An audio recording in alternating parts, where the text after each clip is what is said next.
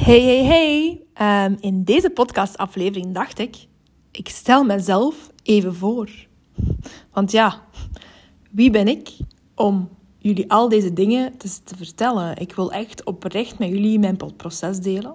Dus, here we go. Ik ben Lisa. Hallo. Ik ben een hoogsensitieve powervrouw. Daarnaast ben ik een echte dogmom.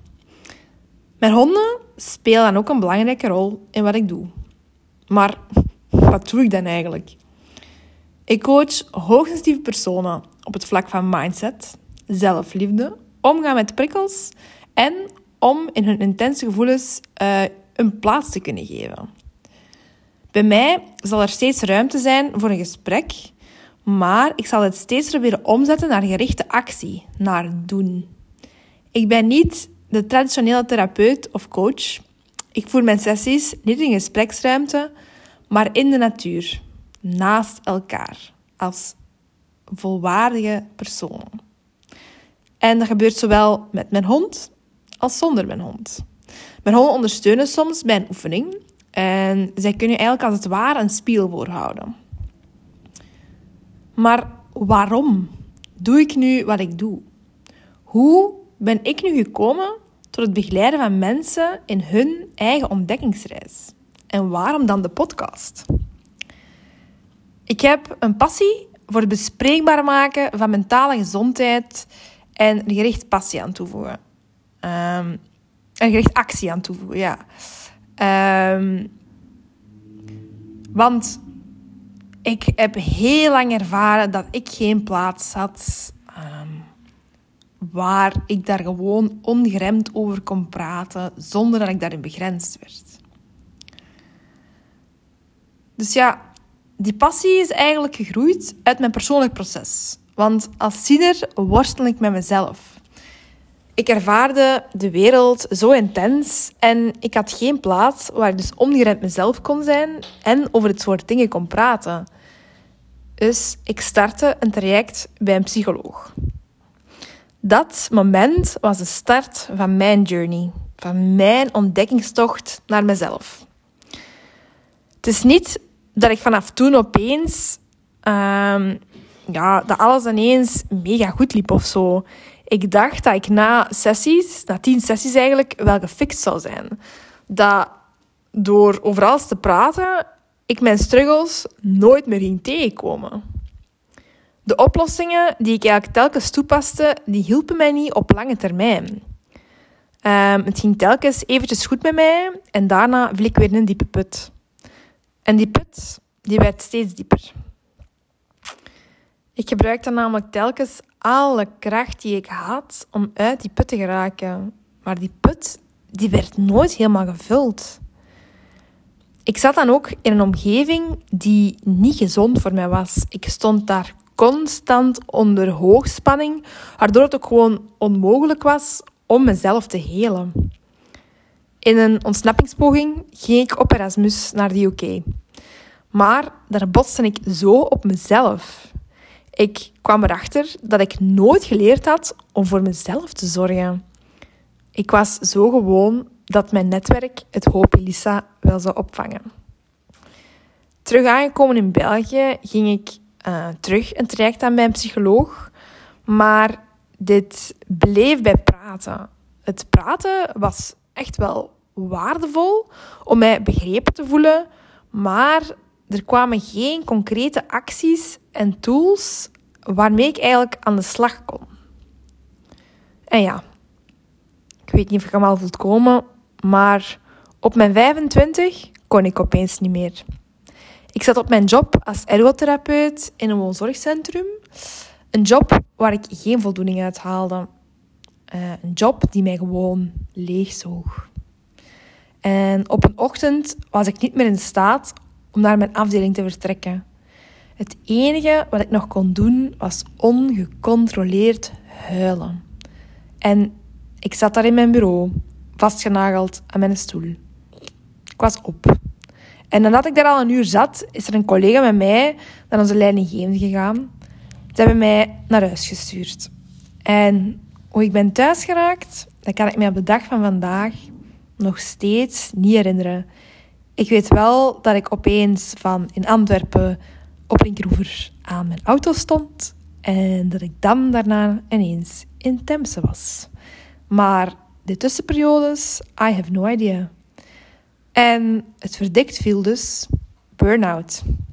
Yep. Voor een jaar was ik dan ook echt oud. Tijdens dat jaar ging ik eigenlijk voor de eerste keer naar een coach in plaats van naar een psycholoog. Ehm, en dat vertrok eigenlijk uit het idee van... Ehm, ja, ik wil een andere job gaan doen, zo wat jobcoaching of zo. Maar eigenlijk was zij veel meer dan gewoon een jobcoach. Zij bewoog mij tot actie. En op een dag stelde ze me de vraag... Lisa, hoe ziet uw ideale job er eigenlijk uit? En onmiddellijk kwam het geven van therapie samen met mijn hond uit mijn mond. Een maand later startte ik de tweejarige opleiding, uh, het postgraduaat dieren in de hulpverlening. En in het laatste jaar moesten wij een eigen project opstarten. Ik was ondertussen gestart op een nieuwe job, uh, werken met volwassenen met een verstandelijke beperking. Ik zou daar een project doen met kippen. Want dat is wat ze op mijn toenmalige job wouden. Dus ik stapte weg van mijn eigen passie voor het werken met honden. Want er was al een therapiehond aanwezig op mijn job. Er deed al iemand anders dat. Dus ik ging people pleasen en een project uitwerken met kippen. De motivatie ontbrak me echter compleet. Dat lag zo ver van mezelf verwijderd dat tot er op een dag ineens puzzelstukjes in elkaar klikten. Um, ik had bepaalde lessen gehad in de opleiding, waardoor ik ineens zoiets had van, maar dat kan ik ook. Dat was ineens zo'n revelation of zo. En met heel veel angst vertelde ik op mijn job dat ik dat project niet meer wil doen. Ik koos voor mezelf en dat was fucking scary. Ik vond het echt heel moeilijk om mensen teleur te stellen, maar dat project, dat voelde gewoon niet goed. Dus ik startte eigenlijk als mijn soort bachelorproef binnen die opleiding mijn eigen project, samen met mijn honden. En zo was Uniek geboren. Uniek is mijn coachingspraktijk. En ik startte uit de drijfveer om hoogsensitieve kinderen de basis te gaan aanleren Ehm, aan de hand van vaardigheden, hoe zij met hun intense emoties kunnen omgaan. Um, want als ergotherapeut leren we eigenlijk vaardigheden aan. Hè? Alles dat te maken heeft met het dagelijks leven. En guess what? Mentale gezondheid um, hoort tot het dagelijks leven. Door mijn hond uh, eh, KD hierin te betrekken, kunnen we eigenlijk, uh, ja, dacht ik, ah, spelender leren. Top. Uh, en in december 2021 stopte ik op mijn job in loondienst. En vanaf januari 2022 dan stapte ik in een coachingstraject van drie maanden. Van januari tot april. Want ik voelde dat er eigenlijk nog steeds iets niet klopte. En wat een traject was dat?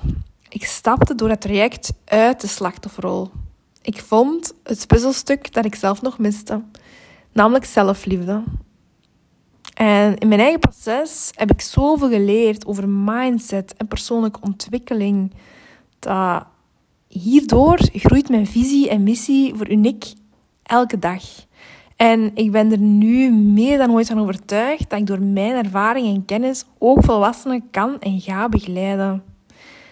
Ik persoonlijk zal nooit stoppen met mezelf te blijven ontwikkelen. Want dat is waar mijn magie zit. Door mezelf te blijven ontwikkelen, kan ik de mensen helpen die nu vastzitten in enkel praten. En ik ben dan ook super benieuwd waar het pad mij verder nog gaat brengen. En ik hoop enkele van jullie op dit pad te mogen tegenkomen. Want mocht jij nu iets hebben van die Lisa, die spreekt me wel aan als coach. Ah wel, niet twijfelen, zou ik dan zeggen. Je mocht mij steeds vrijblijvend een berichtje sturen. Um, en op Instagram kan je ons vinden onder Uniek Hond Ondersteunde Therapie. En uniek schrijf je U-N-I-K. Uh, op het account deel ik ook soms uh, nog een post omtrent de podcast die ik opneem, waarin ik zo wat highlights uh, ja, terug weergeef of zo. Dus um, je mag ons zeker ook gewoon volgen als je het gewoon tof vindt om meer van deze content te zien. En ook sowieso content van hondjes, want die horen erbij.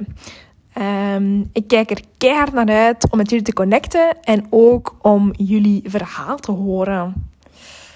Dankjewel voor het luisteren.